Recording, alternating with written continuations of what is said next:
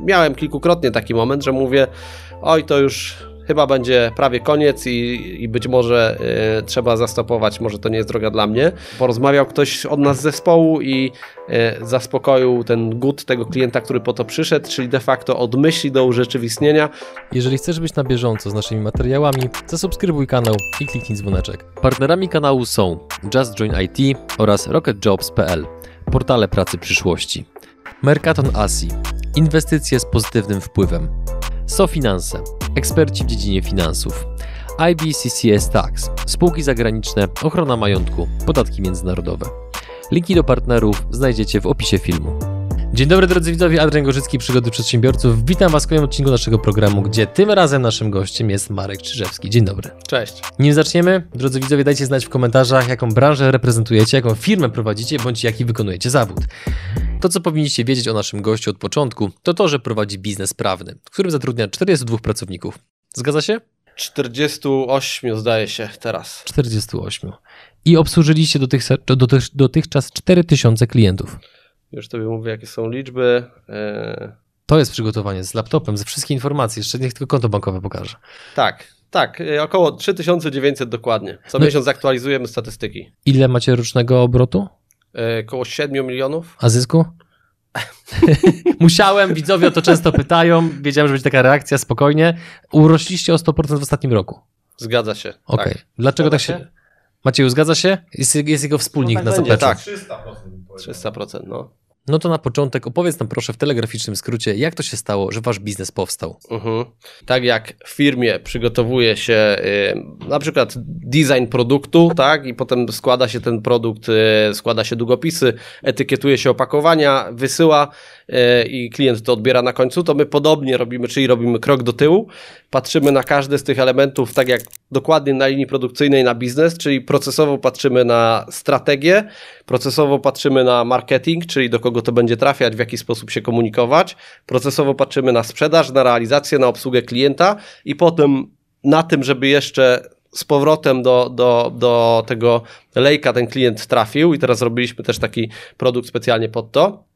E, I każdy z tych, e, każda z tych linii produkcyjnych, tak naprawdę na, na każdej z tych linii produkcyjnych jesteśmy bardzo mocno skupieni i przez to jesteśmy w stanie każdą z tych linii produkcyjnych ulepszać. I Mhm. wtedy, patrząc na to procesowo i robiąc krok do tyłu, skupiając się na tym, żeby każda z nich była coraz lepsza, mamy tutaj e, naprawdę świetnych ekspertów prawa, którzy współpracują z nami, e, a my możemy się skupiać na każdym z tych odcinków i dzięki temu Mhm. uważam, że tak rośniemy. Przedsiębiorcy wchodząc w dowolną branżę często kierują się różnymi kryteriami. Marżowość, niska konkurencja, gra z trendem bądź cokolwiek innego, więc biorąc pod uwagę to, że wy układacie całe klocki w proces, to dlaczego postawiliście akurat na branżę prawną, a nie na przykład na branżę żywności ekologicznej albo recyklingu, albo czegokolwiek takiego, co jest akurat właśnie w tej chwili modne i wzrostowe mocno. Trudno powiedzieć, że postawiliśmy teraz, y, bo tak naprawdę firma powstała 8 lat temu, także to, Mhm. to No to postawiliście wtedy. wszystko, Dlaczego? E, Wtedy to był bardzo specyficzny moment, bo e, ja zacząłem jeszcze od tego. Był, był moment, w którym były organizacje prokonsumenckie, które bardzo mocno e, cisnęły sklepy internetowe, właścicieli sklepów internetowych. E, No i sklepy internetowe miały duży problem. Ja jako trochę taki e, patrzyłem na to z boku i mówię. Trzeba było coś z tym zrobić, nie może tak być. E, I postawiłem się w roli obrońcy tych sklepów internetowych, i wtedy stworzyliśmy e, firmę prawną, właśnie, e, która broniła sklepów internetowych, wykonywała bezpłatne audyty dla tych sklepów internetowych i wyciągała ich, czy broniła przed organizacjami proko- prokonsumenckimi. I to był taki moment, y, pierwszy krok do branży prawnej, y, gdzie to bardzo szybko zachwyciło, bo tak naprawdę ten biznes wtedy był rentowny po, zdaje się, trzech miesiącach i tam duże firmy od razu korzystały z naszych usług, bo byliśmy pierwsi w Polsce, jeżeli chodzi właśnie o obsługę e-commerce'u. I tam jest biżuteria y, z apteki, nawet jakiś bank się do nas zgłosił po czterech miesiącach działalności, także, tak, także, to, był, tak, także to było bardzo szybko, czyli wyczuliśmy moment, w, do kogo trafić i y, jaki ból załatwiamy. E, I to bardzo fajnie szło i wtedy pomyślałem, kurde, może jednak nie tylko branża, pra, nie tylko branża e-commerce, tylko e, może pójdziemy Szerzej. dalej na całą branżę prawną i to była duża wtopa wtedy, bo O, dlaczego? Wydaje mi się, że przez to, że tak szybko ten biznes wypalił, ten pierwszy, tam, tam była cała jeszcze historia wcześniej, e, czym ja się zajmowałem, ale mhm. ten, ten pierwszy biznes e, dosyć szybko wypalił i miałem mocno nabite ego i myślałem, że teraz już skoro ten Solówka wypalił, to, to lecimy dalej i wszystko się uda i się okazało, że no nie do końca tak, e, tak to wygląda, nie? Czyli Aha. miałem taką lekcję z życia biznesowego i okazało się, że trzeba trochę pokory tutaj okazać, żeby coś budować. Poczekaj, poczekaj, poczekaj, teraz się zatrzymajmy, to jest mhm. ciekawy fragment. Do jakich błędów, do, do popełnienia jakich błędów popchnęło cię przesadnie wzmocnione ego poprzez sukces? Pierwsza rzecz, która, która była, czy pierwszy błąd, to było szykowanie produktu przez rok yy, i wydawanie tej kasy na, na szykowanie produktu, który był jakąś hipotezą, którą ja wymyśliłem, a która mogła być sprawdzona tak naprawdę w dwa tygodnie. I, no, i, no i to było bardzo kosztochłonne i jednocześnie czasochłonne. I wiadomo, nic z tego de facto na koniec nie było. Druga kwestia to było od razu um, poczucie że damy radę sprzedawać ten produkt i ten produkt ma sens, czyli budujemy cały zespół wokół tego produktu, czyli duże zatrudnienie i łapiemy tam biuro 250 metrów kwadratowych, także od razu w ciągu duże, duże otwarcie lecimy na grubo. E, no i to się okazało, że to, to nie jest dobry pomysł. Tam Ile koszty, koszty miesięczne to były od razu około 40-50 tysięcy miesięcznie, bez jakiegoś realnego przychodu, który, który miał się pojawiać. Także to był mhm. E, to, to był taki moment, gdzie faktycznie mocno wierzyłem w to, że się uda. E, I po miesiącu, kiedy zauważyłem, że nie do końca tak to się uda i ta hipoteza nie jest sprawdzona, no to cisnąłem dalej, szukałem, szukałem, szukałem. E, i strona tak naprawdę w ciągu, zdaje się, 9 miesięcy zmieniała się 9, e, trzykrotnie. Strona internetowa w ciągu 9 miesięcy zmieniała się trzykrotnie, bo ta koncepcja była wyszukiwana, słuchaliśmy tego, e, co mówią klienci, praca była po 15-16 godzin dziennie i no, dużo, dużo obowiązków, a niekoniecznie te, te usługi, które chcieliśmy sprzedawać, miały sens, mhm. ale ta presja z drugiej strony z zapleców, czyli ta presja kosztowa powodowała, że trzeba E, znaleźć jakieś metody i ta kreatywność też się budziła, bo to był taki moment, że trzeba było. E, myślę, że takim przełomowym momentem u nas w tamtej sytuacji było to, e, że zrobiłem trochę krok do tyłu i zobaczyłem, że lepiej jest uproduktowić prawo, czyli zbudować formę kilkudziesięciu konkretnych usług prawnych, E, niż oferować formę działalności prawnej, czyli po prostu jakiegoś doradztwa prawnego w różnych zakresach, czyli zupełnie e, różnych zakresach szukania jakiegoś klienta, tylko w konkretnych, wyprocesowionych elementach, czym na przykład może być znak towarowy, czy rejestracja fundacji, czy rejestracja spółki czyli konkretne wycinki prawa, w których jesteśmy w stanie pomóc. Mhm. A propos tej hipotezy, którą można było sprawdzić w dwa tygodnie, bo to jest taki mhm. chyba z mojej perspektywy bardzo istotny wątek i taka pułapka, w którą wpada wielu przedsiębiorców, że zwłaszcza kiedy już się uda postawić jedną firmę na dobrym poziomie, to wpadamy w taki trochę syndrom, że my wiemy lepiej, że mamy jakąś szklaną kulę, która nam mówi, jak, jak będzie wyglądał rynek w przyszłości.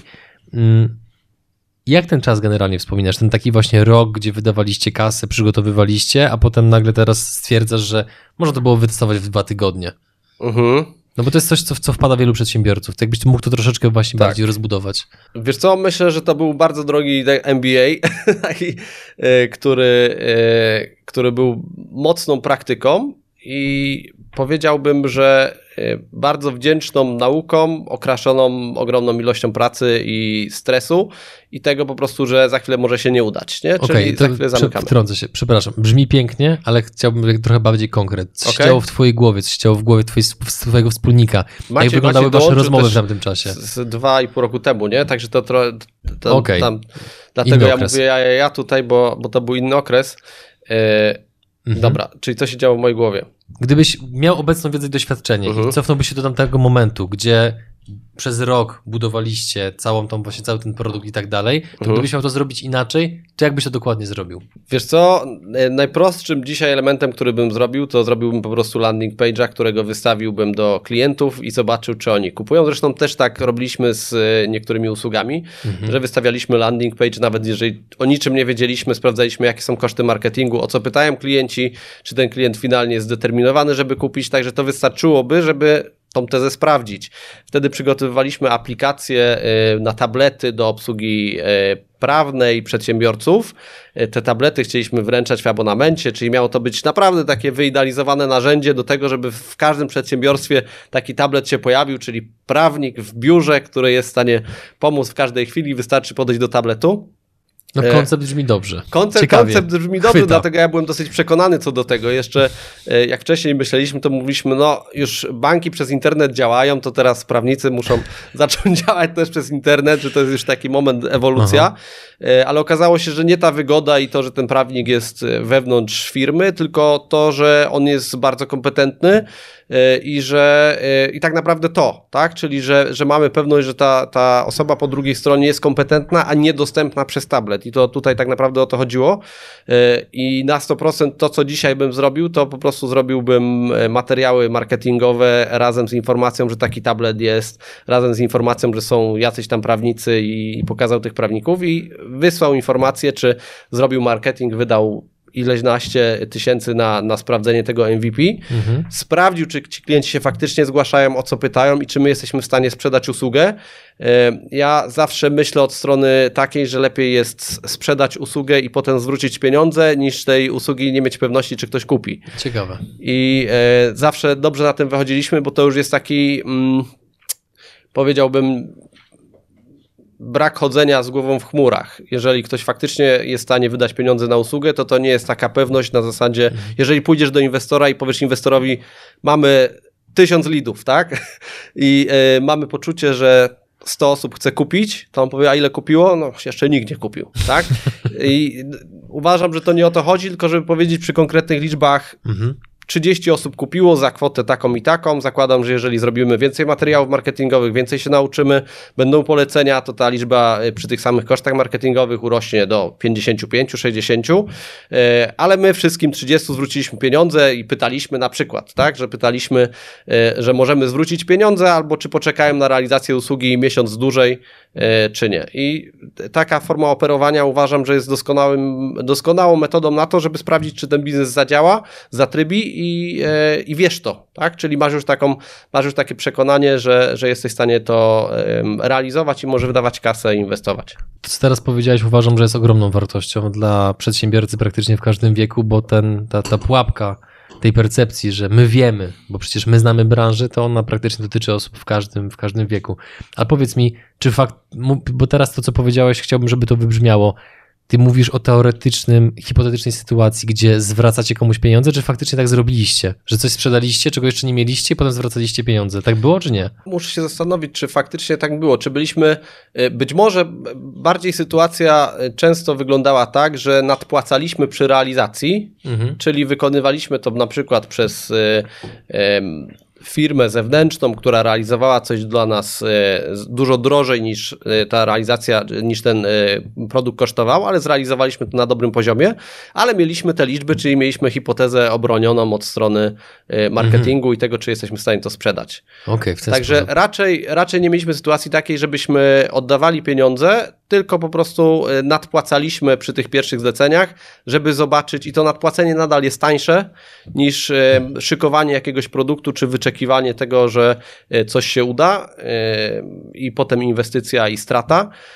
Także bardziej w takim kierunku to robiliśmy. Przed nagraniem, idąc dalej, rozmawialiśmy chwilę też o tym, że mm, współpracujecie na różnych zasadach, między innymi z Szymonem Negaczem, gdzie być może zgodzisz się z tym, że Szymon tak często w przestrzeni internetowej używa słowa proces, że niedługo prawdopodobnie w ogóle je przywłaszczy sobie i będzie miał erkę uh -huh. przy tym słowie. Natomiast u ciebie na samym początku wywiadu kilka razy użyłeś tego słowa, więc skąd, jak to się wzięło, skąd to się wzięło u was, że macie takie podejście do procesów, no bo o tym, że one są potrzebne, to wie praktycznie każdy przedsiębiorca, komu już ten biznes dobrze wychodzi, że to musi być poukładane, no bo -huh. generalnie jak robisz uh -huh. mikromanagement, no to prędzej czy później po prostu się po prostu wyłożysz na pierwszym, lepszym zakręcie.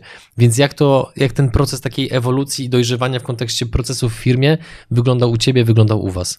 Wiesz co, wydaje mi się, że jeżeli masz firmę dwu trzyosobową i stoisz na czele osób, które zatrudniasz i cały czas pilnujesz każdy, każdego z każdej z czynności, które one wykonują, wtedy ten proces jest być może mniej potrzebny, ale jeżeli ta firma rośnie, to widać, że y, nie do końca jesteś w stanie wszystkiego dopilnować.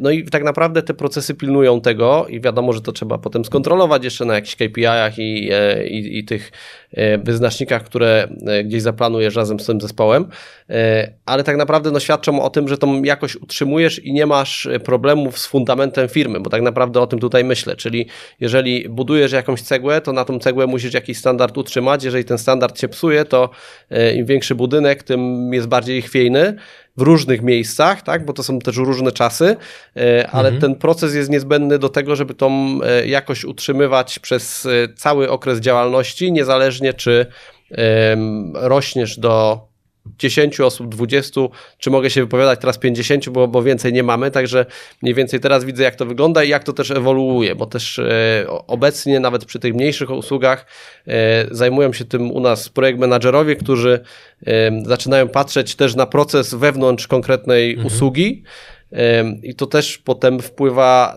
na to, że, że jesteśmy w stanie uprocesawiać już nawet tym projekt menadżerem i pilnować tym projekt menadżerem, a my razem z nim e, jakby ustalamy też inne KPI na, na daną usługę czy na projekt. Od kilku lat trenuję sporty walki i jak ćwiczysz na tarczach bądź na worku, no to jest jakiś tam określony kontekst, mhm. uderzasz, ćwiczysz dystans i tak dalej, ale niezależnie od tego, ile uderzysz w worek czy w tarczę, absolutnie nie przygotuje cię na, to na konfrontację z drugim człowiekiem, dopóki nie zaczniesz robić faktycznych sparingów. Worek ci nauczy techniki, ale prawdziwego, nazwijmy to życia, nauczy cię już konfrontacja z drugim człowiekiem. -huh. Więc podobnie y, zakładam, że jest w przypadku biznesu. Kiedy masz pięciu pracowników, ok, jesteś na coś przygotowany, ale kiedy tych osób w teamie jest około 50, to już jest potrzebny zupełnie inny zestaw kompetencji -huh. i rola właściciela, szefa zmienia się. Więc -huh jak to wyglądało u ciebie? Jaka jest różnica między zarządzaniem 50-osobową organizacją a 5-osobową i czego się mhm. nauczyłeś przez tę drogę? Tu jest bardzo dużo elementów, o których mógłbym dużo mówić, bo na to, że udało nam się to zrobić, ma wpływ y, no, szereg spraw. Między innymi to, że mm, udawało nam się do zespołu weryfikować i łapać. Na początku nie tak łatwo i tutaj to wyczucie trudno złapać, jeżeli chodzi o, o ludzi, z którymi zaczynasz pracować, e, ale że dzisiaj wiemy, że osoby, które e, nam pomagają i są z nami od e, dłuższego czasu, jak na przykład mój wspólnik, który wiem, że jesteśmy kompetencyjnie też podzieleni, to było, to, to też jest fundamentem dla mnie takiej spokojnej głowy, bo dzisiaj mam wrażenie, że pracuję mimo wszystko, mimo że robimy dużo więcej i że mamy dużo więcej osób, to że pracuję nieco mniej niż te 5 lat temu. Także to, to, to jest e, kwestia ułożenia i złapania tych e, osób, które w danych e, kompetencjach czują się dobrze i na danych stanowiskach. I bardzo często jeszcze a propos tej, tej rekrutacji, my mamy bardzo specyficzną formę rekrutacji. Zresztą, tak jak liczymy sobie, to, to, to jedna na 37 osób, która się do nas zgłasza, zostaje z nami. Także robimy bardzo duży przesiew po to, żeby nie było i rotacji, żebyśmy mieli takie osoby, z którymi chcemy, chcemy współpracować. I dzisiaj mogę powiedzieć, że, że e, każdy z zespołu to jest, e, ja, ja porównuję u nas wewnętrznie to do kadry narodowej, bo trudno porównać e, zespoły, jeżeli nie ma, nie ma jakichś statystyk firma do firmy, ale uważam, że naprawdę mamy bardzo dobry zespół, który udało nam się złapać i tą atmosferę też trzymać, e, ale pytamy zawsze na rozmowie rekrutacyjnej e, o to, na co ta osoba ma drive'a, nie? Że, że nie staramy się wciskać specjalnie tej mhm. osoby na jakieś stanowisko, tylko staramy się zobaczyć, e, w czym ona będzie się czuła dzisiaj, w czym się będzie czuła za pół roku. A skąd macie pewność, że ta osoba mówi wam prawdę, a nie to, co chcecie usłyszeć? No mam wrażenie, że nigdy nie masz 100% pewności, weryfikujesz to i, i cały czas zdarza nam się ta sytuacja taka, że myślimy, że na początku, kurde, to będzie dobry strzał, to będzie dobra osoba na dobrym stanowisku, ale potem się okazuje, że, że może niekoniecznie i nie masz te, te, tej pewności, ale muszę powiedzieć, że po latach i po setkach takich rozmów, rekrutacyjnych, bo, bo kiedyś przecież też głównie ja rekrutowałem. E, teraz już szczęśliwie też mamy dwie super dziewczyny, które się tym zajmują. E, I nie, nie masz takiej pewności, weryfikujesz to e, pracą potem wewnątrz ale dzisiaj z perspektywy mogę powiedzieć, że bardzo dużo robi dla mnie intuicja. Jeżeli intuicyjnie już wydaje mi się, ale intuicyjnie mówię, coś mi tutaj nie gra, to zazwyczaj coś nie gra i po dwóch, trzech miesiącach się po prostu rozstajemy, nie? Mhm. Także już, już i tak ten rate się zmniejsza, jakkolwiek no, intuicja gra bardzo dużą rolę już teraz. Czym generalnie dla ciebie jest intuicja? Bo to jest takie, takie słowo, gdzie mam wrażenie, że każdy ma swoją interpretację. Jak to u ciebie wygląda? Myślę, że to jest y, jakieś podświadome działanie bazujące na y, bólach, które przeszliśmy y, kiedyś i tych naukach, nagrodach i karach, tak, mhm. które, które kształtują nam tą podświadomość. I ta podświadomość nam po prostu coś podpowiada, że może podobny schemat działania gdzieś tam był, albo coś widzisz, czego świadoma część ciebie nie widzi. No i, no i intuicja nam to po prostu wypluwa i mówi, że, że może jednak bazując na tym doświadczeniu i e, na tej historii, którą miałeś, to, to może tym razem niekoniecznie, nie? Albo być może właśnie tym razem zaryzykuj, chociaż tutaj jestem bardzo powściągliwy, jeżeli chodzi o takie rzeczy i wolę wszystko e, bazując na tym doświadczeniu sprawdzać wcześniej, nawet jeżeli dopłacamy na takim MVP, tak jak mówiłem, tylko żebyśmy mieli tą wiedzę, nie? Bóle i kary, blizny, siniaki, Jakie są te, które najbardziej pamiętasz ze swojej ścieżki biznesowej? Mieliśmy zaraz po tym, jak udało się generować jakiś sensowny przychód w firmie i była reorganizacja, reorganizacja biura, obcięcie kosztów i tak dalej, bo to był taki, e, nie było tak, że wzięliśmy super biuro, zatrudniliśmy tam 15 e, czy, czy 20 osób, ładowaliśmy kasę w marketing i tam nie przynosiło, nie przynosiło i nagle był boom i super i się cieszymy. E, tylko było faktycznie tak, że wymagało to wielu trudnych decyzji, było trzeba pozwalniać trochę osób, było trzeba zmienić biuro na mniejsze, z tych 250 przeszliśmy na tam 90 kilka i zaczynało się wydawać, że jesteśmy już blisko tego takiego. Mm, byliśmy różnie sinusoidalnie wokół break-even, czyli wokół tego zera, że udaje nam się zarabiać, nie udaje nam się i tak dalej. E, ale dalej, pytałeś wcześniej o procesy, dalej było też tak, że e, jak sprzedaż, jak dalej siedziałem blisko sprzedaży i cisnąłem sprzedaż, mówię lecimy, lecimy dalej, e, działałem z marketingiem, to z kolei ekipa realizująca mówiła za dużo trzeba następnych zatrudnić. Także był zawsze takie błędne koło, gdzie mówiliśmy, no jak tutaj nam się udaje więcej generować, to musimy gdzieś tam tracić tutaj i ciągle było trudno wyrównać sobie ten, e, e, ten przychód e, versus koszty. Jeżeli chodzi o ten trudny moment, który był, to właśnie po tym, jak się przenieśliśmy do nowego biura, okazało się, że jedna z osób pracujących u nas ukradła nam e, prawie 50 tysięcy złotych, co sprawiło bardzo dużo kłopotów, bo strata dla całej firmy to było około 200 tysięcy, a wiadomo, że klienci widzieli nas tylko przez internet, także nie wiedzieli, czy to my zrobiliśmy ten błąd, czy to zrobił ktoś od nas wewnątrz, także cały, e, cały ten grat i te wszystko, cała amunicja od strony klientów, którzy też się zresztą dowiedzieli o tym e, w jakiś tam sposób, e, też od tej osoby, bo to było chyba takie zaplanowane zagranie. Trafiła bezpośrednio w nas. Ja wtedy zmieniłem też cały zespół. E, i też ułożyłem wtedy taki proces na to, że w momencie, jeżeli już klient dzwoni i mówi, że y, sprawę chce zgłosić na prokuraturę, to wtedy ja z nim rozmawiałem i ja się tłumaczyłem, jak ta sytuacja naprawdę wyglądała, bo jedyna perspektywa, ja to rozumiem doskonale, bo jedyna perspektywa, którą on miał, to była perspektywa tego, że nam zapłacił i coś się nie wydarzyło. Także to był taki trudny moment, po którym się zbieraliśmy długie miesiące. Przez e, kwartał ja spałem pewnie po trzy godziny, mimo że e, w sensie po trzy godziny e, dziennie, mimo że kładłem się normalnie, żeby nabrać energii, ale głowa cały czas chodziła, głowa budziła, żeby dalej chodzić.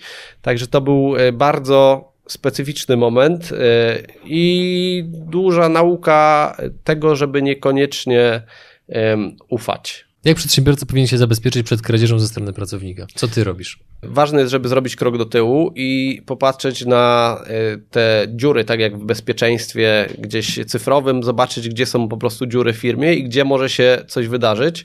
E, I chyba to robimy, czyli patrzymy po prostu, gdzie są największe ryzyka i co się może wydarzyć, jeżeli do tego dojdzie. E, czyli audytujemy się trochę wewnętrznie i patrzymy, gdzie faktycznie ktoś nam może zrobić krzywdę. I to uważam, że to jest nie nie wiem czy jedyna, ale chyba takie, takie, takie najmocniejsze działanie, które e, dosyć regularnie podejmuję i zastanawiam się od razu, jakie są ryzyka wewnątrz. Jak często to jest? Wiesz co, trudno mi określić, nie mam tego na to-do liście. Raz tylko, na kwartał, pół roku, Tylko myślę, rok. że z, każdym, z każdą zmianą, z każdym produktem, z każdą większą zmianą, czy wdrożeniem nowego produktu, na nowo myślę o tym procesie i zastanawiam się, czy gdzieś jest taki, że tak powiem, cieńszy lód, gdzie jeżeli faktycznie na ten lód się nastąpi, to, to mhm. możemy wpaść pod wodę, e, czy ta woda jest ciepła, nie? Także mhm. sprawdzamy po prostu, czy jeżeli nawet do tego dojdzie, do takiego ryzyka, to czy jesteśmy w stanie sobie, czy jesteśmy w stanie to dźwignąć. Czyli można to nazwać, że to jest taki powiedzmy proces, gdzie wy zaczynacie szukać słabych punktów w danym elemencie firmy, że jeżeli ktoś chciałby wam zrobić krzywdę, to prawdopodobnie ten element właśnie by wykorzystał, czy nie? E, no, na pewno się nad tym zastanawiamy. Teraz myślę, że te procesy, mhm. które mamy, już są tak e, podopinane, że tam nie ma za dużo takich możliwości, e, żeby coś takiego się wydarzyło, ale zawsze warto mieć głowę otwartą i myślę właśnie, że ta sytuacja też mnie na to uwrażliwiła, czyli powiedziała, o Marek, może od czasu do czasu warto się nad tym zastanowić, bo no, to, to będzie kosztowało mhm. sporo i sporo nerwów i sporo czasu. I myślę, że tak regularnie po prostu jest taki znowu ten, ten podświadomy dzwonek, który mówi, no może jest czas, żeby mhm. teraz y, pomyśleć o tym y, i, i, i, zastanowić się, czy coś mnie czeka. A czy jakieś konsekwencje wyciągnęliście względem tej osoby, czy odpuściliście temat? No ja na pewno nie, nie odpuściłem tematu i sprawa była w sądzie, finalnie zakończyła się mediacją. E, I to było, no, emocjonalnie mnie to nie usatysfakcjonowało, ale było to e, najbardziej racjonalne rozwiązanie z, z możliwych.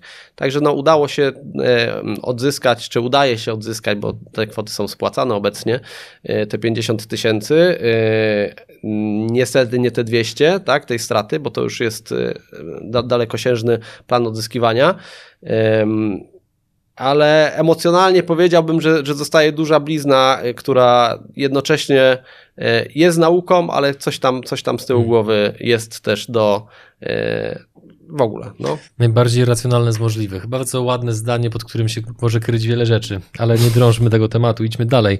Kiedy mu powiedziałeś, że spałeś po trzy godziny i głowa nie dawała spokoju, to czy teraz tamtych doświadczeniach zwłaszcza, czy teraz masz opracowany jakiś system, jakiś model, który powoduje, że jednak ta głowa może odpocząć, że śpisz trochę dłużej niż 3 godziny? Czy nadal masz aż tak bardzo, wiesz, emocjonalnie, związany z, emocjonalnie jesteś związany z, związany z firmą, że ta głowa cały czas jest zaangażowana? Jak to wygląda? Wiesz co, myślę, że dzisiaj śpię doskonale.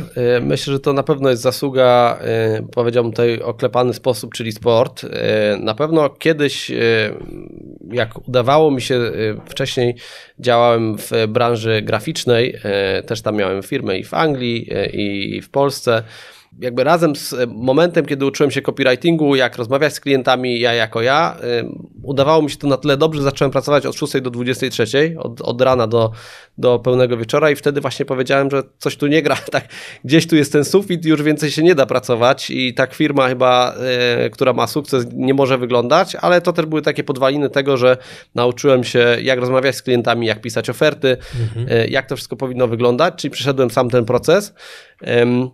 Ale wtedy właśnie zacząłem też medytować, czyli zacząłem medytować po to, że jak o tej 6 rano wstaję, to żeby y, żadna emocja nie wpływała na ten proces twórczy, czy na, na tą pracę, którą w ciągu dnia wykonuję. Y, I ta medytacja faktycznie dawała mi bardzo dużo i wtedy medytowałem nawet 2-3 razy dziennie po to, żeby resetować głowę i w momentach, jak jestem zmęczony, to, to faktycznie sobie odpuścić. Czy jedni wychodzą na fajkę, a ty medytujesz? Tak, tak, tak. Wydaje mi się, że to jest e, fajna metoda, żeby, żeby e, popatrzeć też trochę na to, co się w twojej głowie dzieje. Nie? To jest taka, taki, ta, taka ciekawa rzecz. O, niektórzy mówią, że nie są w stanie medytować, bo za dużo się w ich głowie dzieje, ale no to właśnie w medytacji o to chodzi, nie? czyli żeby usiąść i zobaczyć, co się dzieje w tej głowie, czyli posłuchać tego wszystkiego. Bardzo fajne, e, pewnie, pewnie znane, może nieznane ćwiczenie, które ja robię i, i dla mnie oczyszcza głowę, to jest moment taki, kiedy siadam na 10 minut, zamykam oczy, zaczynam medytować, ale biorę też kartkę ze sobą i kiedy pojawia się jakaś myśl, jakakolwiek to jest myśl, wypisuję tą myśl na kartce I praktycznie po takich 10, 15, 20 minutach, kiedy te myśli są wypisane i ta głowa wie, że już nie musi o tym przypominać cały czas, to zaczyna robić się dużo większa harmonia w głowie i czuję, że wszystkie rzeczy w formie już bardziej to-do listy jestem w stanie e, się nimi zająć. Masz takie poczucie, że regularna medytacja była dla ciebie pewnym takim przełomem, jeżeli chodzi o wydajność taką w pracy? Wiesz co, na, na pewno była wsparciem w tym wszystkim i z perspektywy czasu mogę powiedzieć, że trochę bardziej poznałem e, siebie, jestem bardziej refleksyjny a propos tego, co się dzieje i to też powoduje, że jestem w stanie e, lepiej prowadzić biznes, bo wszędzie, gdzie jest jakiś problem, ja upatruję w tym problemie korzyść, czyli jeżeli ten problem jest powtarzalny, jest na tyle duży dla kogoś jeszcze, kto jeszcze, jeżeli ma kasę, to już w ogóle fajnie, bo być może jesteśmy w stanie stworzyć rozwiązanie, które na ten problem po prostu odpowie. E, I, i tam, gdzie są problemy, dla mnie to jest taka miła sytuacja, bo ja patrzę po prostu, także ba bardzo dużo patrzę w kategoriach problemów, ale nie zamartwiania się, tylko bardziej w formie patrzenia na to, jakie są okazje do wykorzystania. Często słyszę od różnych przedsiębiorców, że przedsiębiorca do pewnego etapu jest ogromną dźwignią dla firmy z racji swoich kompetencji, talentów, kontaktów, wiedzy, ale w pewnym momencie zaczyna być wąskim gardłem. Masz poczucie, że nadal jesteś dźwignią dla firmy, czy stajesz się wąskim gardłem? Mam wrażenie, że przez to, że otaczają mnie tacy ludzie, którzy mają naprawdę dobre kompetencje, i e, razem z moim wspólnikiem Maciejem mamy na tyle otwarte głowy, że no, zdajemy sobie sprawę ze swoich słabości e, i jeżeli e, jesteśmy w stanie jakąś kompetencję, której nie mamy, e, wrzucić do firmy, to od razu to robimy. Także uważam, że to też jest e, funkcja tego i to powoduje, że jesteśmy w stanie w taki fajny sposób budować zespół i rosnąć. Jedną z takich zasad, które my mamy, to jest przyznawanie się do błędów, tak? Także nie, i też nie, nie od strony tylko pracowniczej, tylko też naszej. Jeżeli coś robimy nie tak, czy, czy jesteśmy w stanie coś zrobić lepiej.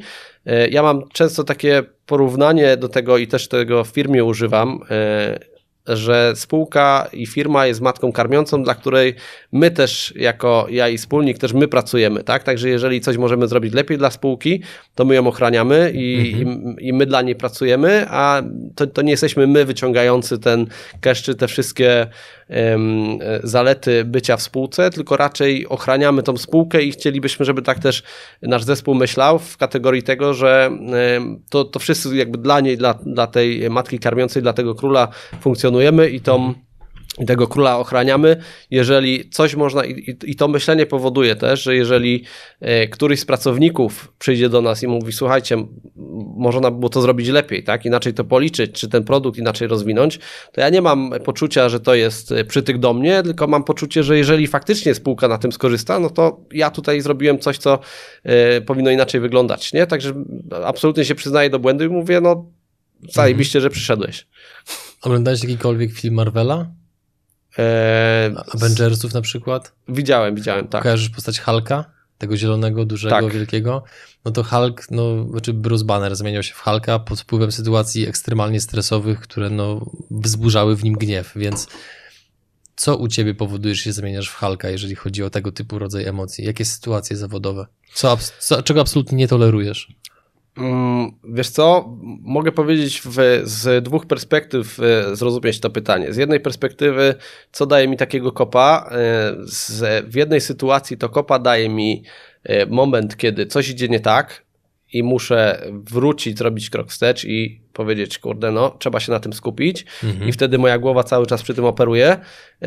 I mam drugi, drugi rodzaj sytuacji, kiedy tworzę coś nowego, bo ja jestem tą częścią, że tak powiem, razem ze wspólnikiem, ja jestem tą częścią e, strategiczną, kreatywną, staram się tworzyć e, produkty, usługi, jak to ma być komunikowane dla klienta. E, mój wspólnik zajmuje się kwestią bardziej formalną, umowami, czy też procesami u nas w firmie. I wydaje mi się, że ta, ta część, kiedy coś nie idzie, bo to jakby absolutnie nie jest tak. Kiedyś też miałem takie wrażenie, że e, jak tworzy się biznes, to po prostu piękna strona internetowa, logotyp, komunikacja dobra na stronie, wypuszczam to do klientów, ładuję 10 tysięcy w AdWordsa i idzie, tak? I zazwyczaj jest tak, że to jest te, te pierwsze 5% rozpoczęcia i potem okej, okay, zaczynają się pojawiać lidy faktycznie, no ale oni nie kupują. To trzeba się zastanowić, dlaczego nie kupują i zmienić być może komunikację na stronie, e, zmienić formę rozmów sprzedażowych, popracować nad realizacją usługi, bo być może gdzieś indziej jest też klient albo może bardziej polecać i nad każdym znowu z tych elementów trzeba pracować i to jest te pozostałe 95% czasu, e, gdzie trzeba przy tym biznesie siedzieć i go tak naprawdę e, no, każdą tą śrubkę coraz lepiej dociągnąć e, i zastanowić się w pewnym momencie i też dać sobie taką perspektywę, że ok, no wydajemy 100 tysięcy i jeżeli to nam nie zaskoczy, no to ok, robimy krok do tyłu, odpuszczamy mhm. biznes albo robimy kom kompletny pivot na tym. Mhm. E, I myślę, że, że to, to też jest warte e, zauważenia i zrozumienia gdzieś z perspektywy, że że biznes tak naprawdę po odpaleniu będzie wymagał bardzo dużo pracy i zazwyczaj nie dzieje się tak. A z drugiej strony, jeżeli tak się dzieje, że odpalasz biznes i on od razu super idzie, to być może to też nie jest zaleta, bo y, będzie to wymagało, będzie to dużym zagrożeniem, że konkurencja bardzo szybko jest w stanie to skopiować.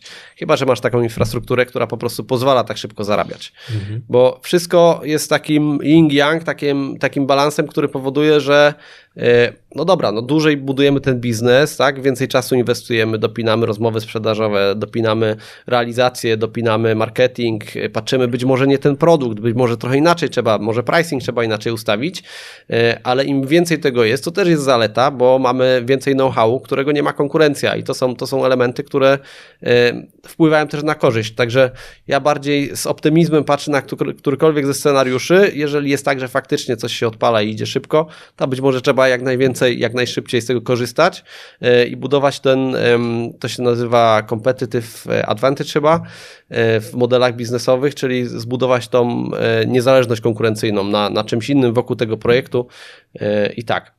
Ale jeszcze odpowiadając na Twoje pytanie w tym drugim kontekście, czyli co powoduje u mnie taką furię, E, to tak naprawdę jest moment, kiedy my gdzieś w firmie, któryś, e, któryś z działów, czy ktoś z nas stara się e, dostarczyć klientów i ci klienci do nas przychodzą, chcą coś kupić, ale na przykład są nieobsłużeni albo ktoś po prostu nie wykona do nich telefonu tak?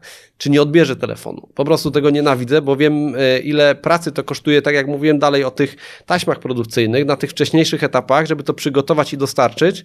I potem, jeżeli na takiej taśmie się zdarza, że ktoś po prostu nie, e, nie zdecyduje się albo nie widzi tego, żeby odebrać telefon, no już teraz nam się to raczej nie zdarza i, e, mm, i, i, nie ma takich sytuacji, ale wcześniej mnie to po prostu doprowadzało do furii, bo wiadomo, że my musimy wydać na marketing, e, musimy to wszystko dopracować, każdy z tych elementów, przy czym bardzo dużo siedzimy, a tak naprawdę no to to jest moment olania naszej pracy, czy, czy, wcześniejszych działów, osób, czy tych taśm produkcyjnych jakkolwiek, no i nie jest zgraniem zespołowym, nie? Także, także powiedziałbym, że docelowo też takie y, niegranie zespołowe mieliśmy też takie historie, gdzie e, zwalnialiśmy bardzo dobrego eksperta, e, który był bardzo pracowity, ale wpływał na atmosferę w firmie i no negatywnie. Nie, tak, nie byliśmy w stanie z nim pracować i nie widzieliśmy perspektywy tego, że to będzie lepsze. A też inną zasad jest to, że mamy nienerwowe rozwiązywanie spraw i komunikacja jest na pierwszym miejscu. Także w perspektywie czasu wiadomo, że te pieniądze się liczą i to w jaki sposób je zarabiamy ale firma, do której chce się przychodzić yy, i mamy takiego powera i, i, poczucie, że chcemy, żeby ta firma rosła, yy, no, musi być robione w, w zajebistym zespole, który po prostu chce działać na, na korzyść tej matki karmiącej spółki e, i ma drive'a w obszarach, w których działa. Także dlatego też mówiłem, że przy tej rekrutacji e, staramy się pytać, na co masz drive'a, dlaczego chcesz zmienić e, na nas, tak? co chciałbyś robić, jeżeli się będziesz budził rano i mówisz, idę teraz do prawnej, to co w tej prawnej będę robić, że mnie tak nakręca. Nawet sobie wymyśliliśmy taki e, współczynnik push e, i patrzymy na to. E, Co to znaczy? Współczynnik push wymyśliliśmy, że ma od 0 do 200. 100 to jest neutralnie, 80 to jest taka osoba, gdzie osoba przełożona, menadżer musi w 20% ciągnąć tą osobę do siebie, a 120 to jest taka osoba, która pcha spółkę razem z menadżerem. Także wtedy to są takie elementy, które wpływają i trochę nam się to już nawet utarło, że wspólnikiem mówimy, no tutaj dużego pusza nie ma, albo na przykład mówimy, o tu jest 150, tu jest 60, czyli za daleko to nie pójdzie, nie? Jesteśmy w stanie wtedy bardziej operować tak na, na tych osobach i na takim podobnym poczuciu. Jeżeli chodzi o wspólne pchanie firmy, czy ta osoba jest bardziej osobą, którą trzeba ciągnąć, czy wspólnie pcha, bo jeżeli pcha, no to zgodnie z matematyką, jeżeli to sumować, no to firma musi rosnąć, nie? A ten współczynnik push, on e, w jaki sposób go używacie? To jest jakaś comiesięczna ocena pracownika, czy tak na zasadzie Bar waszych bardziej, prywatnych rozmów tak, ze wspólnikiem? Bardziej, bardziej myślę, że, e, że, że naszej E, razem ze wspólnikiem, razem z liderami od nas i, i, myślimy właśnie w takiej kategorii, myśląc o osobach. Nie? Czasami ten, ten współczynnik się zmienia i ktoś naprawdę pcha temat do przodu i, i zmienił się na przykład, bo złapał albo ma większe doświadczenie i jeszcze bardziej pcha, bo już tam poczuł wiatr w żagle i po prostu pcha, ale to, to, to nie jest forma takiego, nie wiem, jakiejś karty ocen czy czegoś takiego, tylko po prostu patrzymy trochę z perspektywy tego, czy, czy tą osobę trzeba e, cały czas pchać do przodu, czy wiemy, że ona pcha razem z nami, nie? Bo to jest e, w przypadku, jeżeli ten nasz współczynnik push wynosi 80, to wiadomo, że te 20% energii nam jest, e, no musimy poświęcić i one są skradzione, nie? Także jeżeli widzimy, że jest dużo takich osób, no to wtedy jesteśmy cały czas zjadani przez te, przez te osoby, które razem z nami nie pchają, tylko tą energię trochę mhm. pożerają. Czy prawdą jest, że wy na marketing miesięcznie wydajecie 100 tysięcy złotych? Koło 100 tysięcy, tak. I te, te, te Czyli rocznie powyżej miliona będzie. No, te wydatki rosną, także w tym roku myślę, że to nie będzie, e, będzie poniżej miliona znacznie, ale myślę, że w przyszłym roku to, to będzie dużo okay. ponad. Jak mądrze rozdysponować taką kwotę między różne kanały? Jak wy to robicie? Jak to mierzycie? Jak to koordynujecie? No bo myślę, że dla mhm. wielu właścicieli MŚP w Polsce wydawanie 100 tysięcy rocznie to jest dużo, a wy to robicie miesięcznie. Więc mhm. jak to robić mądrze?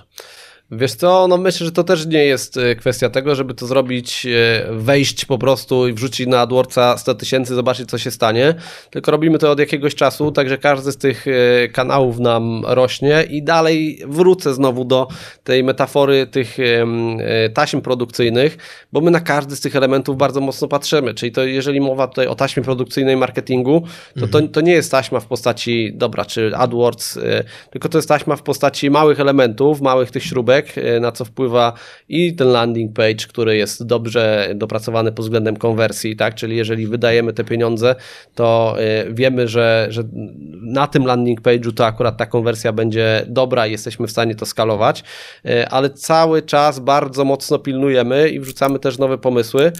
Mamy nawet coś takiego jak budżet eksperymentalny w postaci tam 5 e, do 10%, który wydajemy na rzeczy, które nam się wydają, że mogą zagrać, ale zazwyczaj to są pieniądze, które musimy wyrzucić, e, bo e, się coś nie udaje. No ale jeżeli co, co piąty, siódmy, ósmy raz coś się uda, no to to jest też taka przewaga konkurencyjna, którą my mamy know-howowo, bo, bo po prostu wydaliśmy i wyeksperymentowaliśmy.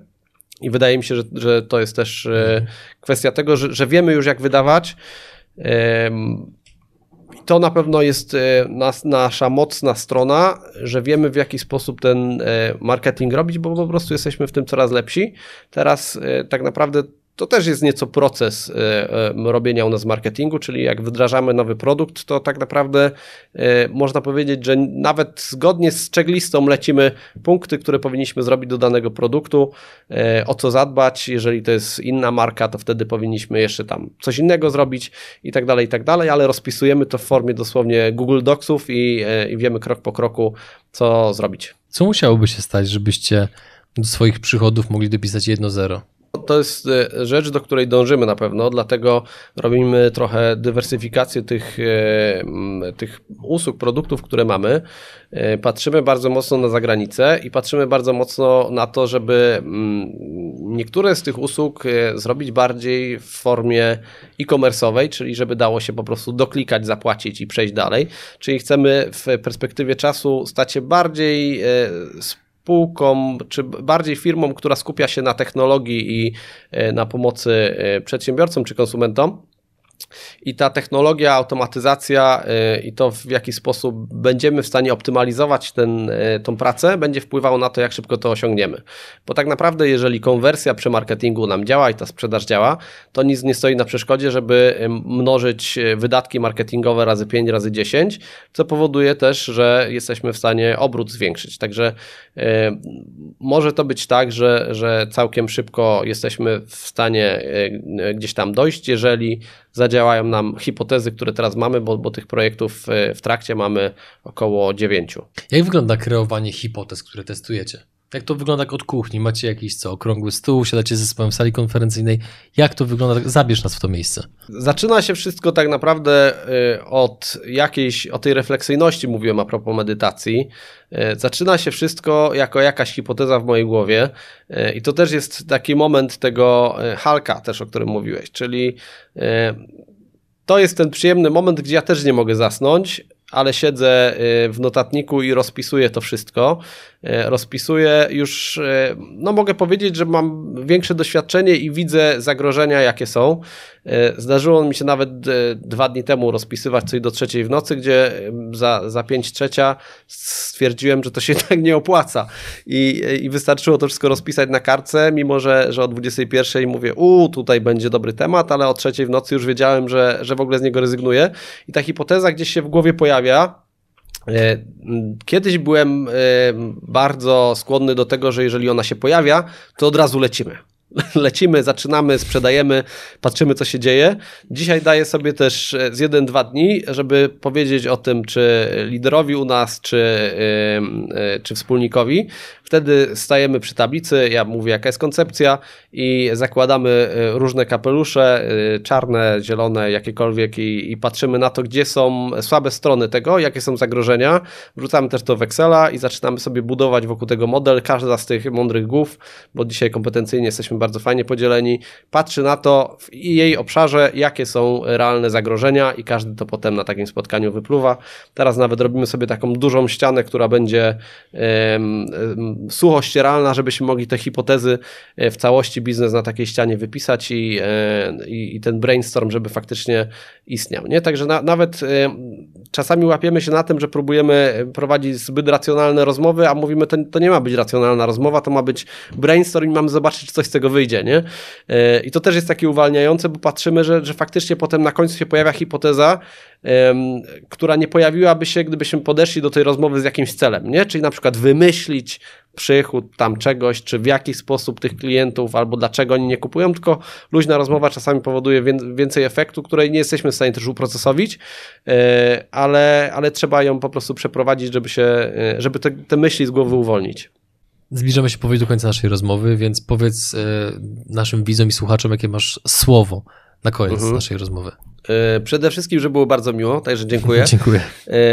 I uważam, i tutaj warto y, o tym pomyśleć, że jeżeli robisz dzisiaj biznes i czujesz, że masz do tego drive'a i to, to jest twoje nie tylko ego, tylko to, co chcesz i z czym budzisz się rano i lubisz to robić, to uważam, że nie powinno nic cię zatrzymać i musisz próbować, bo ym, to ja uważam z mojej perspektywy, że nie, nie poddanie się kilkukrotnie, jak myślałem, miałem kilkukrotnie taki moment, że mówię, oj, to już chyba będzie prawie koniec i, i być może y, trzeba zastopować, może to nie jest droga dla mnie. No, udawało się nie poddawać i gdzieś tam udawało się tym, tym nastrojem czy, y, czy zarządzić sytuacją y, i, i dochodzić do momentu, że faktycznie ciąg, cisnęliśmy, ciągnęliśmy temat dalej. Y, także to jest, to jest taka moja y, rada dla osób, które dzisiaj myślą o tym albo są w trudnej sytuacji i mówią, chyba jednak muszę wrócić na etat. Jeżeli masz drive'a do tego, żeby to robić i chcesz to robić, to uważam, że, że trzeba walczyć o swoje, bo to mi osobiście daje ogromne szczęście. Nie, nie ten cash, tylko to, w jaki sposób budujemy i że możemy budować biznes właściwie biznesy, bo dzisiaj e, zaczynamy działać w, w różnych branżach, także Jakich? robimy e, na przykład robimy portal e, psychoterapeutyczny z ekspertami też z całej Polski, też już patrzymy, jak, jak możemy z nim wychodzić za granicę i jak dostarczyć jak najwięcej wartości pacjentom czy klientom, którzy będą na, na portalu się rejestrować. I takich, takich projektów robimy kilka i też będziemy gromadzić fajnych ludzi wokół tego Także dlatego, y, dlatego myślę, żeby się nie zamykać, bo dla mnie to, że y, udało się wywalczyć ten moment, czyli udało się wywalczyć moment, w którym mamy taki zespół, mamy taki, takie zgranie puzzlowe kompetencji, y, gdzie ja jestem w stanie pójść do HR-u i powiedzieć, słuchajcie, koncepcja jest taka, że szukamy takiej osoby, która się tym zajmie. Idę do sprzedaży, rzucam temat, mówię Bartek, słuchaj, myśmy chcieli to sprzedawać, albo on sam do mnie przychodzi i mówi, czy sprzedajemy coś jeszcze, tak? I e, ja układam e, z kimś marketing i patrzymy, tutaj trzeba zrobić e, stronę internetową i zaczynamy to wszyscy, wszyscy razem budować i to się dzieje błyskawicznie i każdy ma do tego drive'a, to to jest dla mnie, aż mnie ciarki przeszy, bo dla mnie to jest tak, taki moment, gdzie, gdzie faktycznie daje mi to dużo szczęścia szczęścia ja przychodzę po to, żeby to e, robić i budować. Nie? I, I, mam wrażenie, że te osoby, które ze mną działają, myślą e, podobnie. E, I, I, to jest, to, to już nie jest tylko biznes, tylko to jest życie, które dobrze na mnie wpływa. Dlatego mówię o tym, że jeżeli czujesz, że masz drive'a na budowanie biznesu i chcesz to robić, ale dzisiaj ci być może nie wychodzi albo są jakieś przeszkody, to ciśnij i tak, bo, bo gdzieś tam dojdziesz. Ja miałem, miałem też sytuację taką kilkukrotnie w życiu, gdzie mój tata też mówi, Marek, no w tych trudnych momentach zazwyczaj on mówi, no Marek, może, może ten etat jednak. Ja, ja wtedy zawsze robiłem krok do tyłu i mówię i, i trochę z ciebie zawsze zwątpiłem, bo nie wiedziałem, czy to jest, y, być może on ma rację, a być może to ja mam rację, y, ale się nigdy nie poddawałem i cisnąłem dalej i finalnie dzisiaj z perspektywy E, w takiej, w której dzisiaj jestem, e, w ten w środowy, e, środowe popołudnie, mogę powiedzieć, że, że jestem w super miejscu i niczego nie żałuję. Dużo dało mi to doświadczenia i mam nadzieję, że tak ta przyszłość będzie wyglądała i będziemy budować super produkty, super marki dla, dla osób, które będą z tego korzystać. I na to też mam drive właśnie, czyli na to, że ktoś przychodzi korzysta z usługi, którą stworzyliśmy, czyli coś się zaczęło od myśli w głowie, potem było to przeniesione dalej na, do internetu, potem porozmawiał ktoś od nas z zespołu i e, zaspokoił ten gut tego klienta, który po to przyszedł, czyli de facto od myśli do urzeczywistnienia, to ten, ta kasa, która też przechodzi jest takim wyznacznikiem tego, że to działa. To jest taki dla mnie informacja Robisz dobrą robotę. Coś przydatnego. Tak, robisz coś przydatnego i to działa. Jeżeli jeszcze ci klienci mówią, super usługa, super, super usługa i ja, ja tak naprawdę mogę to jako hipotezę i procesowo w miarę ułożyć, czyli nie, już, już dzisiaj nie biorę udziału przy całym tym procesie yy, i na koniec ten klient jest zadowolony, yy, to, to naprawdę to jest ogromna satysfakcja dla mnie i, i, wiem, że, że zrobiłem dobrą robotę i, i cały czas jeszcze mam y, taki biznesowy testosteron do tego, żeby, y, żeby tworzyć coś, co, co pomaga ludziom gdzieś na końcu, nie? Biznesowy testosteron. Bardzo ciekawe sformułowanie. Myślę, że nieraz będę je e, pożyczał od ciebie. E, Marku, dziękuję ci za rozmowę. Dziękuję ci za te wszystkie przemyślenia i różnego rodzaju refleksje, którymi się z nami podzieliłeś, bo wiele też e, z nich było cennych dla mnie tak personalnie. Więc drodzy widzowie, jeżeli macie podobne odczucie jak ja, że to był po prostu dobry wywiad, to zamiast braw, których nie możemy za bardzo dać, no bo nie jesteśmy wszyscy w jednym miejscu, dodajcie chociaż łapki w górę i zostawcie komentarze z dobrym słowem dla Marka pod tym filmem, bądź z pytaniem, jeżeli takowe do Marka macie. A my tymczasem żegnamy się z Wami i dziękujemy szczególnie tym wszystkim, którzy dotychczas zdecydowali się kliknąć przycisk subskrybuj, bo pomaga nam to po prostu bardzo mocno rozwijać kanał. E, Marku, raz jeszcze. Dziękuję. Super, bardzo dziękuję. Dziękuję. Drodzy widzowie, widzimy się w kolejnym odcinku. Cześć.